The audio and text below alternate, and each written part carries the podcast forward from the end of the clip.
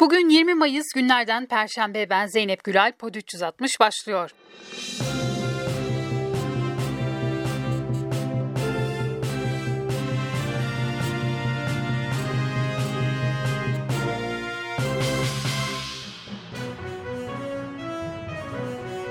İyi Parti Genel Başkanı Meral Akşener, İşkencedere Vadisi'ne giderek taş ocağına karşı eylem yapan köylülere destek verdi.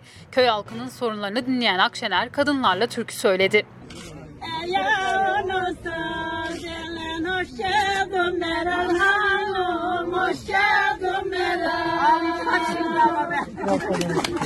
Akşener İkizdere ilçesinde esnaf ziyareti yaptığı sırada bir grubun tepkisiyle karşılaştı. Federal işbirliği yapmıyor mu bu? CHP ile işbirliği yapmıyor mu? Nasıl ha ha? Açıklama yapar mısınız rica etsem? Yapmıyorum kardeşim. Sizi Allah'a havale ediyorum. Meral Akşener'e diyorsunuz be. Ayıp, ayıp. Ayıp, ayıp. Size ayıp be. Megri Megri ben mi söyledim? Osman Öcalan'ın mektubunu ben mi okuttum? Hadi oradan, hadi.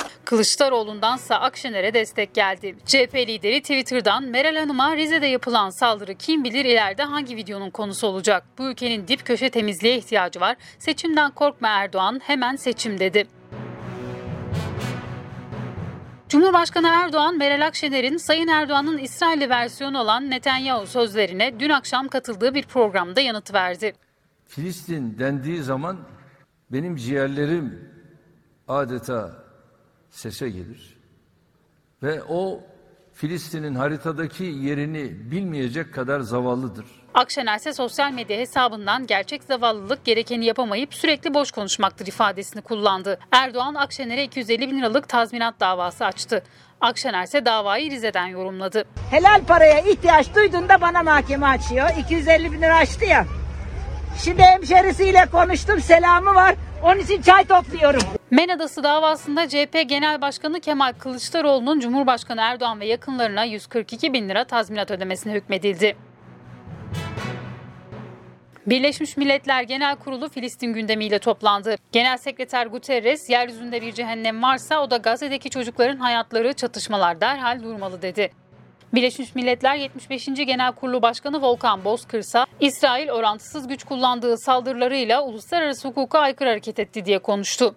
New York'taki toplantıya katılan Dışişleri Bakanı Mevlüt Çavuşoğlu da bu saldırgan eylemler bir savaş suçu teşkil etmekte. Yapılması gereken İsrail'in ablukasını sona erdirmek dedi. Taksim Meydanı'nda nehirden denize Filistin özgür olacak yazılı pankart açıp Filistin bayrakları taşıyan grup sloganlar atıp İsrail'i protesto etti. Basın açıklamasının ardından dağılan grup sivil polisler tarafından durduruldu. Daha sonra gelen Çevik Kuvvet polisi Taksim Meydanı'nda izinsiz yapılan eylem nedeniyle göstericilerin ayrılmasına izin vermedi. Polisin müdahale ettiği gruptaki 15 kişi gözaltına alındı. Avrupa Parlamentosu Avrupa Birliği'nin Türkiye ile tam üyelik müzakerelerini askıya alması çağrısında bulunan raporu kabul etti. Türkiye Dışişleri Bakanlığı'ndan yapılan açıklamadaysa Türkiye Avrupa Birliği ilişkilerini yeniden canlandırmaya yönelik çaba harcanan bir dönemde nesnellikten uzak tavsiye kararının kabul edilmesi mümkün değildir denildi. HSK seçimi için uzlaşma sağlandı. 7 üyeden 4'ünü AKP ve MHP'nin oluşturduğu Cumhur İttifakı, 3'ünü ise CHP, İyi Parti ve Saadet Partisi'nin oluşturduğu Millet İttifakı belirleyecek. Koronavirüs tedbirlerinin yasal dayanağı olmadığını söyleyen ve soruşturma başlatan Viranşehir Savcısı Eyüp Akbulut hakkında soruşturma başlatıldı. Akbulut geçici süre görevden uzaklaştırıldı. Cumhuriyet Halk Partisi Bakanlığı döneminde kendi şirketinden Ticaret Bakanlığı'na dezenfektan alan Ruhsar Pekcan hakkında soruşturma önergesi hazırladı. Önergenin verilebilmesi için en az 301 milletvekilinin imzası gerekiyor. Şortunun içine ve beline birçok plastik şişe yerleştiren göçmen çocuk Fas'ın İspanya kıyılarına yüzerek ulaştı. Çocuk sudan çıkmamak için uzun süre direndi. Göçmen çocuk sınırdaki duvarı tırmanmaya çalıştığı sırada İspanyol polisi tarafından yakalandı. İspanya İçişleri Bakanlığı'nın açıkladığı verilere göre son iki gün içerisinde Fas'tan gelen 1500'ü küçük çocuk olmak üzere yaklaşık 8000 göçmenin 5600'ü sınır dışı edildi. Melih Bulu'nun rektör olarak atanmasını protesto eden Boğaziçi'li akademisyenler rektörlük binasına sırt dönme eylemine 92. gününde de devam etti. Akademisyenler kabul etmiyoruz, vazgeçmiyoruz dedi. Trafikte tartıştığı kişiyi bıçaklayan Çakarlı Maganda Muhammed Enes Uysal 8 yıl 4 ay hapis cezasına çarptırıldı. Uysal yattığı sürenin göz önünde bulundurulmasıyla tahliye edildi.